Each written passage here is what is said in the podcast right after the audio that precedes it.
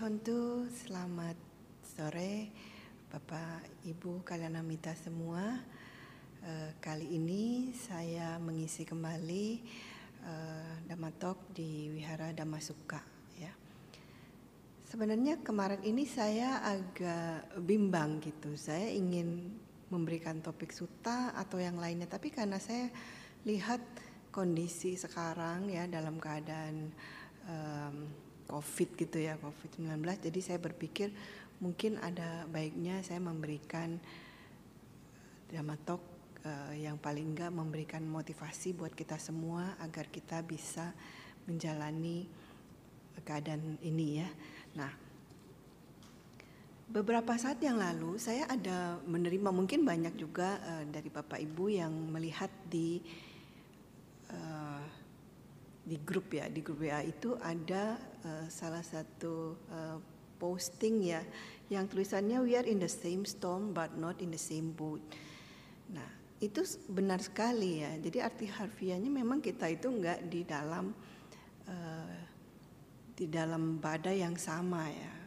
Uh, kita sorry kita di dalam badai yang sama tapi kita tidak di dalam perahu yang sama. Artinya memang kita sama-sama menghadapi masalah yang sama ya yaitu uh, keadaan COVID-19 ini yang di mana kita harus kerja dari rumah, ya kita nggak bisa bepergian dan segala macam itu kita semua menghadapi masa yang sama, tapi kondisi ya dan kemampuan dari kita masing-masing itu berbeda, betul ya. Jadi ada mungkin orang yang kondisi mohon maaf kondisi keuangannya itu dia biasa aja nggak terpengaruh, tapi ada juga yang terpengaruh ya ada yang di PHK saya kasih contoh ada satu teman saya. Dia itu uh, single mom ya orang tua tunggal. Ya dia sudah kalau menurut saya dari saya dengar ceritanya itu dia sangat hebat maksudnya dia hebat dia walaupun orang tua tunggal dia tetap berusaha ya. Walaupun sakit atau apa dia tetap berusaha untuk uh, menghidupi uh, anaknya dan dia ya. Tapi belum lama ini saya dengar minggu lalu dia itu kena PHK ya. Tapi dia itu uh, menghadapinya juga nggak stres gitu. Kita mau nggak menghadapi seperti itu? Tentu kita mau ya. Nah nanti saya akan bahas seperti gimana kita sebagai orang Buddhis bisa menghadapi kondisi ini dengan baik ya. Nah jadi tadi uh, kondisi ya setiap orang itu berbeda-beda kemampuan. Jadi dari segi material, jadi dari tadi dari keuangannya, mungkin ada pekerjaannya, ada yang nggak pengaruh, ada yang berpengaruh, ada yang mohon maaf gajinya dikurangi dan sebagainya itu berbeda-beda. Nah karena itu sikap emosional kita juga berbeda.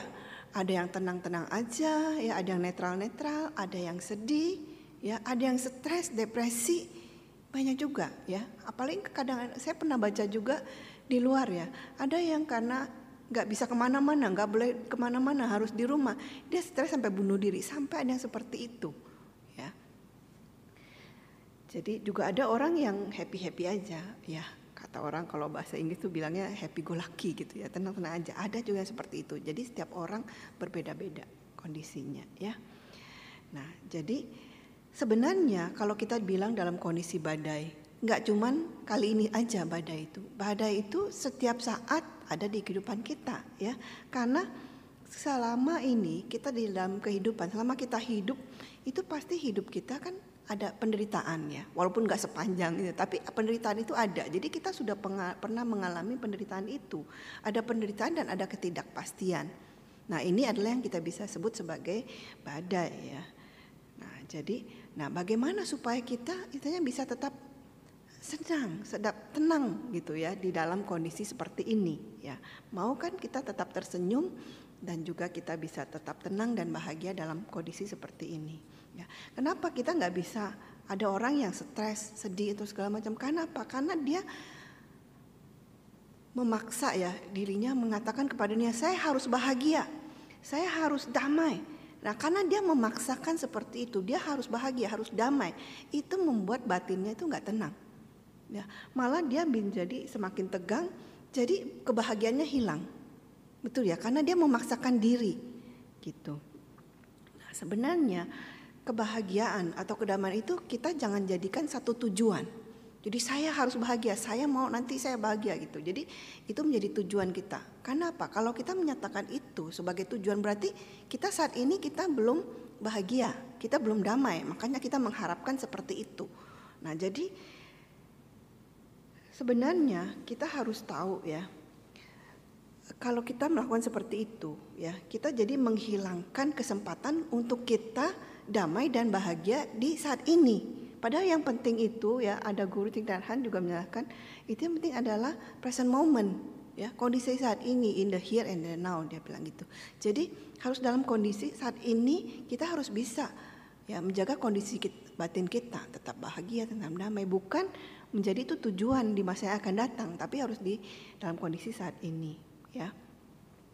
Karena kita harus tahu ya kalau kita harus bisa belajar dari kehidupan ya dalam kondisi saat ini kita tahu sekarang dalam kondisi pandemik ada banyak yang bisa kita pelajari. Ya kita bisa belajar banyak. Seperti contohnya mungkin selama ini kita nggak pernah dengarkan dhamma secara online. Benar ya? Kita datang ke wihara tapi sekarang kita harus dengarkan secara uh, online. Nah anak-anak juga yang nggak pernah belajar online biasa belajar ke sekolah. Nah sekarang dipaksa belajar online Nah kita di rumah yang mungkin tadinya orang tua nggak bisa masak, sekarang jadi bisa masak. Ya, saya juga sekarang kalau gampang sebenarnya mau masak ya, tinggal cari di internet ya resep itu bisa. Teman saya menyatakan ke saya gini, ya kemarin saya lihat di grup teman SMA saya, dia laki-laki dia bisa memotong rambutnya sendiri dengan begitu rapi dikasih lihat itu begitu rapi katanya karena dia belajar di YouTube ya jadi kita bisa lihat ada banyak yang hal yang harus kita syukuri gitu. Malah kita bisa belajar. Nah, akhirnya teman saya menyatakan, wah habis pandemik ini nanti semua istri jadi jago masak dan suami, suami itu jago nyukur ya karena bisa bisa sendiri. Nah itu satu hal yang mungkin harus kita uh, syukuri.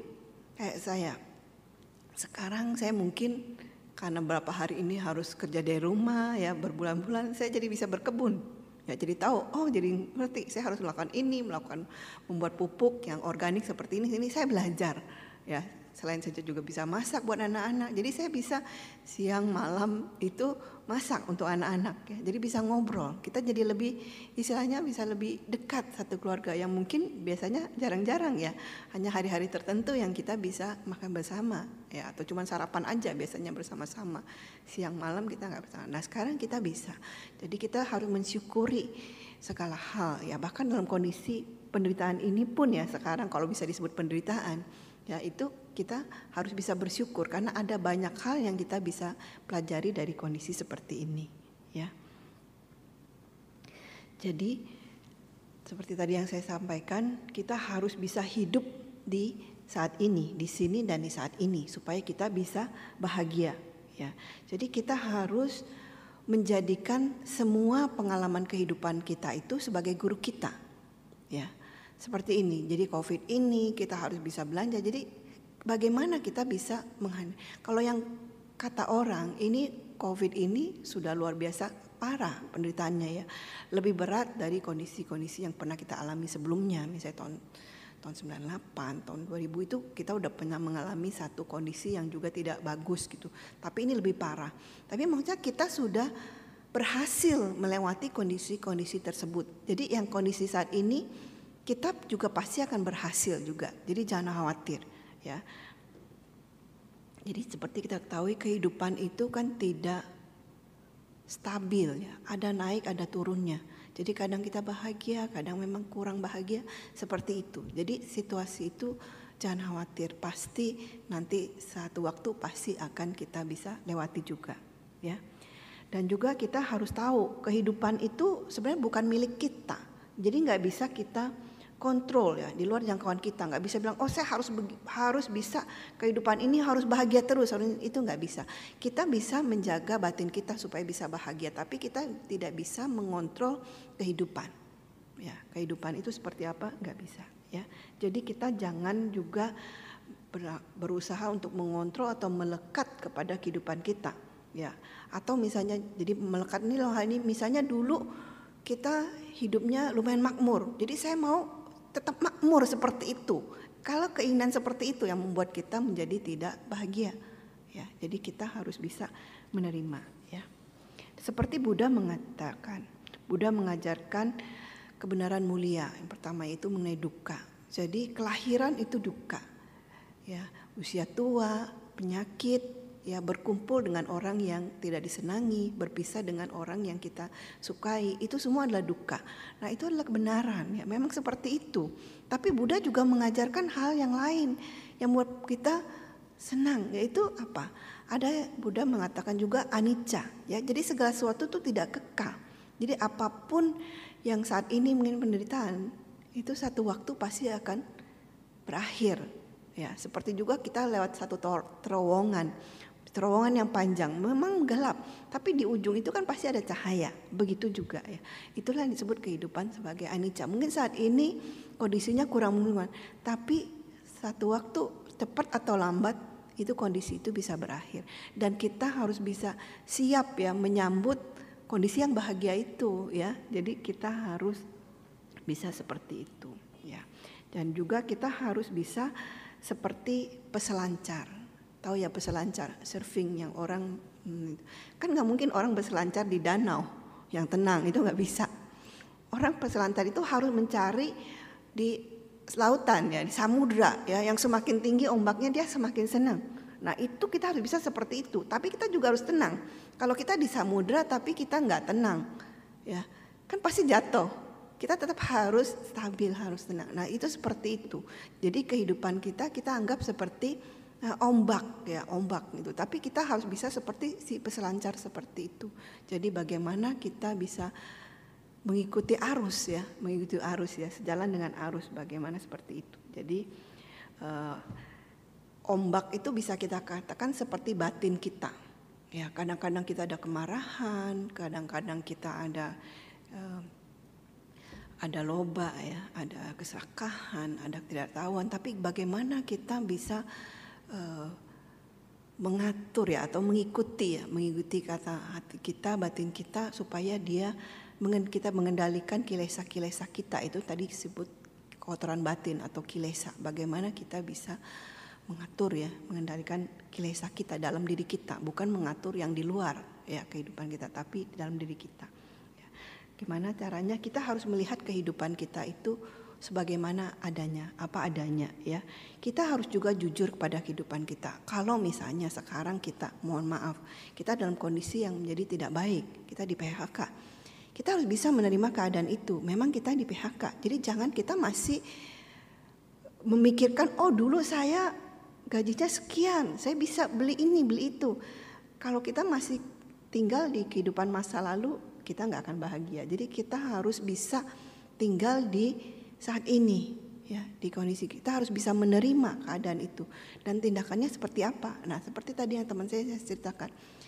Dia setelah PK dia jadi langsung berpikir bagaimana saya harus bisa bertahan di kehidupan ini. Nah, dia sekarang berusaha membuat toko online. Ya, berusaha mencari cara menghubungi teman-teman yang punya barang ini barang ini untuk dijual. Nah itu kita harus melakukan seperti itu. Jadi jangan juga pasrah aja gitu ya. Jadi kita harus bisa terampil dalam kehidupan ini. Gimana kita bisa mengatasi kondisi ini ya. Jadi jangan hidup di masa lalu, jangan hidup di masa depan, hidup di saat ini ya. Jadi juga kita jangan lari dari kenyataan ya, seperti tadi ya. Kita harus seperti itu ya. Kemudian kita juga jangan menambah penderitaan. Kita sudah menderita, kita tambah lagi. Dengan apa? Misalnya kita sedih, murung, di kamar aja, nggak mau ngapa-ngapain. Nah itu istilahnya kita menambah penderitaan. Udah menderita ditambah lagi dengan tetap di situ. Ya. Kemudian kita juga menyesal. Aduh kenapa ya? Coba saya misalnya ya. Kalau ada orang tuh ada dulu dia nggak nabung misalnya dalam kondisi sekarang, oh saya menyesal, kenapa saya nggak menabung ya?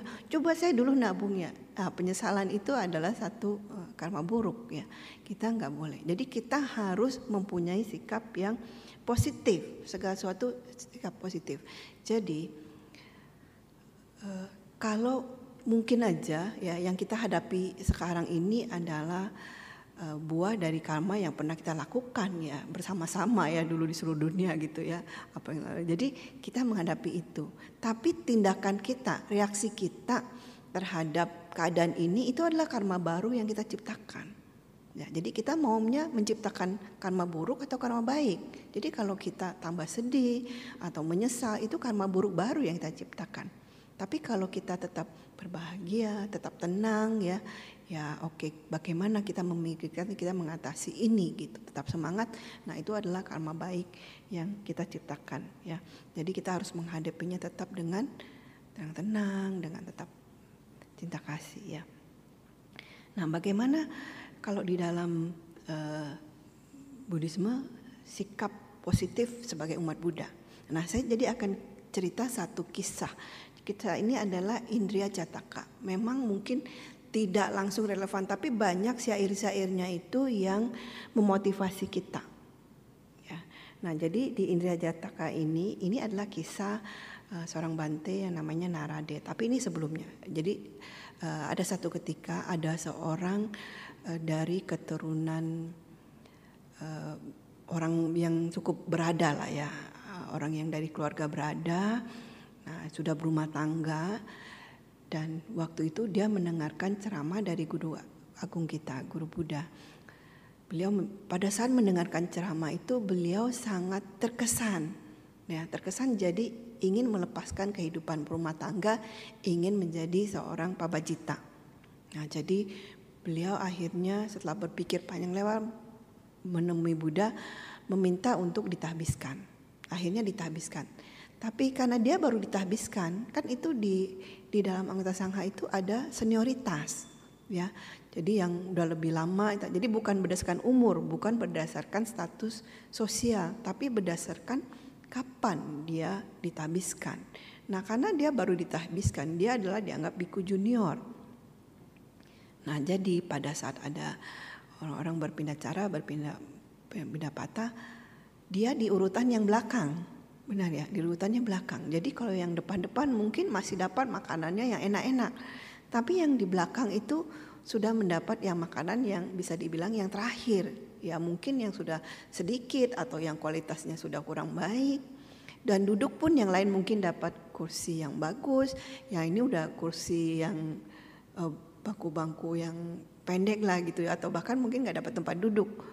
Nah dia setiap kali menghadapi kondisi seperti itu, sedangkan dia dari keluarga berada. Nah jadi lama-lama dia nggak tahan juga, istilahnya dia nggak tahan dengan kondisi seperti itu dia memikirkan di rumah makanannya enak-enak segala macam. Nah jadi dia sering kembali ke rumahnya, kembali ke rumahnya membawa patannya. Nah jadi uh, pada saat itu pada saat istrinya tahu istrinya memberikan makanan diganti makanannya itu diganti dengan makanan rumah uh, buatan istrinya yang lebih enak nah seperti itu sering kali dia lakukan seperti itu sampai ada satu ketika si istri berpikir oh bagaimana ya kalau saya menarik lagi suami saya gitu ya uh, supaya nggak jadi biku lagi gitu ya nah dia berpikir nah akhirnya dia juga uh, mengundang ya, mengundang orang-orang untuk ke rumahnya seperti berpesta lah ya, berpesta. Nah dia juga uh, mengikat kerbau-kerbau gitu ya di depan rumahnya gitu ya, pokoknya uh, sudah menyiapkan banyak hal lah. Berpura-pura seperti itu udah mengecat rumahnya. Nah pada saat suaminya ini datang di depan rumahnya, nah, pembantunya memberi tahu ke uh, si istri ini ada pertapa yang ada di depan rumah. Nah kata si istri ya udah kamu biarkan aja gitu. Tapi dia lihat pertapa ini nggak mau pergi. Nah akhirnya uh, si pelayan ini memberitahu nyonya rumahnya. Nyonya rumahnya akhirnya keluar. Dia melihat oh ternyata ini adalah suami saya ya. Bapak dari anak-anak saya. Akhirnya dia memberi memberi makan memberi makanan yang banyak. Dan dia juga memberitahu kepada uh, suaminya itu mantan suaminya. Kalau dia itu karena sekarang suaminya sudah menjadi pabajita dia hidup dengan anak-anaknya. Dan jadi dia ingin hidup lebih baik jadi dia ingin pergi ke kota yang lain ingin meninggalkan kehidupan di kota tersebut ya ingin ke kota lain nah pada saat suaminya itu mendengar seperti itu akhirnya suaminya bilang ke si mantan istrinya ini, jangan pergi. saya akan melepaskan jubah ini. Coba nanti tolong di hari-hari tertentu, ya di hari apa yang sudah ditentukan, maksudnya membawa baju, baju biasa ya, bajunya dia, ya untuk nanti saya akan melepaskan jubah saya dan akan menyerahkan patah saya kepada senior saya. Nah, jadi setelah kembali ke wihara, dia menyampaikanlah kepada biku ya atasannya yang menabiskannya kalau dia ingin melepaskan jubah. Waktu ditanya kenapa alasannya dia menjelaskan karena istrinya akan pindah rumah segala macam dan dia merasa nggak nyaman gitu ya dapat makanan yang udah terakhir segala macam. Jadi dia ingin kembali ke kehidupan rumah tangga. Nah jadi guru penabisnya bukannya uh, istilahnya uh, memarahi atau apa pun ya, akhirnya mengajak dia menemui guru agung Buddha menyampaikan hal seperti uh, kalau dia ini akan uh, melepas jubah. Nah, pada saat itu Buddha menyampaikan kalau ini adalah waktu ditanya kenapa ya dia ini bilang karena istrinya ya istrinya. Nah, Buddha menyatakan sebenarnya bukan kali ini saja. Jadi di kehidupan lampau istrinya ini pun pernah melakukan hal yang sama. Nah, jadi Buddha menjelaskan kehidupan sebelumnya. Nah, jadi eh, kehidupan sebelumnya itu si orang ini adalah sebagai biku narada. Ya. Nah, jadi pada saat itu Bodhisatta adalah anak seorang uh, pandita kerajaan. Ya, anak seorang pandita kerajaan. Nah, karena dia anak juga orang baik ya, anak keturunan yang baik, dia disekolahkan beliau Bodhisatta itu disekolahkan di Takasila. Ya, jadi bisa ber mem, apa sih kayak memainkan pedang lah segala macam ya kalau zaman dulu kan itu. Nah jadi mereka dia berlatih dengan sangat hebat sampai satu waktu diundang oleh raja dia mempertunjukkan keahliannya. Nah karena begitu ahli raja terkesan akhirnya raja mau mengangkatnya menjadi kayak panglima ya panglima kerajaan. Tapi Bodhisatta itu menolak menolak menjadi panglima dia pergi ke hutan. Di hutan bermeditasi ya mencapai kemajuan yang luar biasa dan juga memiliki banyak murid ya. Ada banyak sekali muridnya ada Kaladewala nah, dan juga adiknya Narada ya salah satunya ya. Jadi mereka menjadi murid-murid. Nah Narada ini juga ini berlatih meditasi dengan luar biasa punya abinya kakaknya juga ya. Jadi bisa terbang.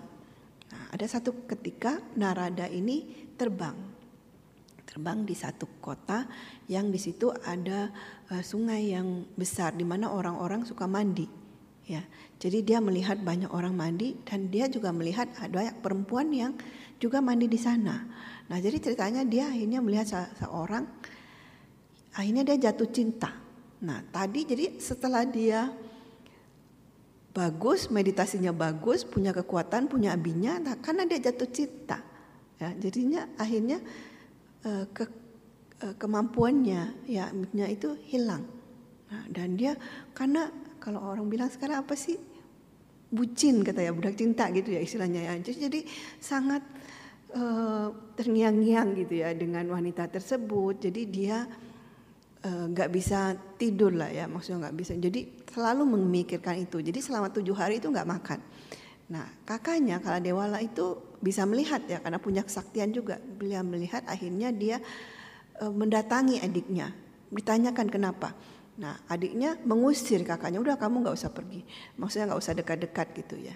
Nah tapi akhirnya teman-teman si kakak ini mengundang teman-teman juga, teman-teman pertapa lainnya untuk juga datang gitu ya, untuk istilahnya membujuk supaya orang ini berlatih meditasi lagi. Nah dia juga nggak mau, sampai akhirnya mereka mengajaklah uh, bodhisatta gitu yang yang saat itu sudah menjadi guru guru meditasi ya guru yang bagus. Jadi diajak diajak ke uh, tempatnya si Narada. Nah akhirnya dia uh, beliau itu memberi nasihat lah ya. Menyatakan kalau sebenarnya kalau kita ya intinya kalau kita terlalu mengikuti kesenangan indriawi kita itu hidupnya nggak akan bagus gitu ya. Nanti pun akan lahir menjadi lahir di uh, apa ya kalau kita terlalu mengikuti kesenangan indriawi. Nah, tapi waktu itu dia menyatakan kan kesenangan uh, kenapa guru itu menyatakan kalau kesenangan indrawi itu nggak bagus padahal kan kesenangan indrawi membuat satu kebahagiaan gitu uh, waktu itu guru menjelaskan kalau sebenarnya bukan karena kita sebenarnya di dalam kehidupan ini kebahagiaan dan juga penderitaan itu sebenarnya seperti langkah kaki kiri kanan gitu jadi ada penderitaan ada kebahagiaan seperti itu nah jadi sebenarnya memang kalau kita mengikuti uh, kesenangan indrawi itu nggak bagus. Jadi uh, si Narada ini diminta untuk melepaskan gitu. Nah jadi si Narada bilang saya nggak bisa gitu, nggak bisa melepaskan karena uh, itu menurut saya itu kebahagiaan. Nah di situ adalah uh, pada saat itu uh, guru itu menjelaskan kalau uh, sebenarnya uh, intinya sorry ya. Uh, kita harus um, guru itu menjelaskan kalau memang siapa pun atau dia dia yang bisa melewati masa-masa sulit ya masa-masa sulit dengan bertahan menghadapi segala masalah ya akan menjadi kuat ya ya dia akan menjadi kuat dan akan mencapai kebahagiaan akhir di mana semua permasalahan berakhir. Nah, itu adalah yang pesan yang juga cocok untuk kita, ya. Cocok untuk kita. Jadi, siapa yang bisa melewati masa-masa sulit? Masa-masa sulit dengan bertahan menghadapi segala masalah. Ya, akan menjadi kuat. Ya, akan menjadi kuat. Kita harus ingat. Jadi uh, sehingga kita bisa mencapai kebahagiaan akhir di mana semua permasalahan berakhir. Nah, ini pesan yang luar biasa mengena buat kita, ya, sangat bagus. Nah, jadi di dalam uh, kisah Jataka ini juga dijelaskan, ya, dijelaskan kalau sikap positif kita sebagai umat Buddha itu bagaimana. Jadi kita memang tahu kondisi kehidupan itu adalah penuh penderitaan. Tapi kita harus bisa terampil, terampil dalam kehidupan ini, mengatasi penderitaan ini, mengatasi masalah ini, kita harus terampil. Dan kedua, kalau kita punya uh, makanan gitu dijelaskan, kalau kita punya makanan, jadi maksudnya kalau kita mungkin punya uang dan sebagainya, kalau kita atau punya segala hal yang kita bisa lakukan untuk membantu orang lain, kita harus lakukan. Nah itu pesan yang kedua sebagai sikap positif sebagai umat Buddha. Ya.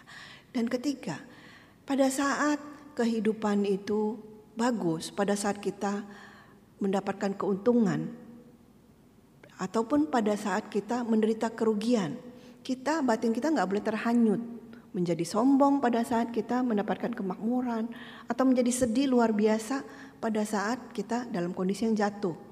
Kita nggak boleh lakukan itu. Jadi itu adalah pesan yang disampaikan juga di dalam uh, Indria Jataka ini. Dan ini jadi sangat penting ya sangat penting buat kita ya. Saya kira itu yang ingin saya sampaikan. Jadi sekali lagi kita semua memang menghadapi masalah yang sama ya. Walaupun kondisi kita cara kita menghadapinya berbeda-beda itu berbeda. Tapi kita sebagai umat Buddha kita harus menghadapi masalah ini dengan sikap yang positif ya kita harus bisa terampil mengatasi masalah ini dalam kehidupan ini dan kalau kita masih punya kemampuan, ya kita bisa membantu orang lain dengan cara apa pun. Saya nggak bilang harus dengan uang, dengan cara apa pun, membantu dengan cara apa pun, bantulah. Tetap berbuat kebajikan. Ya, yang kedua dan yang ketiga kita nggak boleh terlalu, ya, terlalu terhanyut, ya. Pada saat kita senang maupun saat kita dalam kondisi yang kurang baik, kita tidak terhanyut. Ya, kita tetap bisa stabil.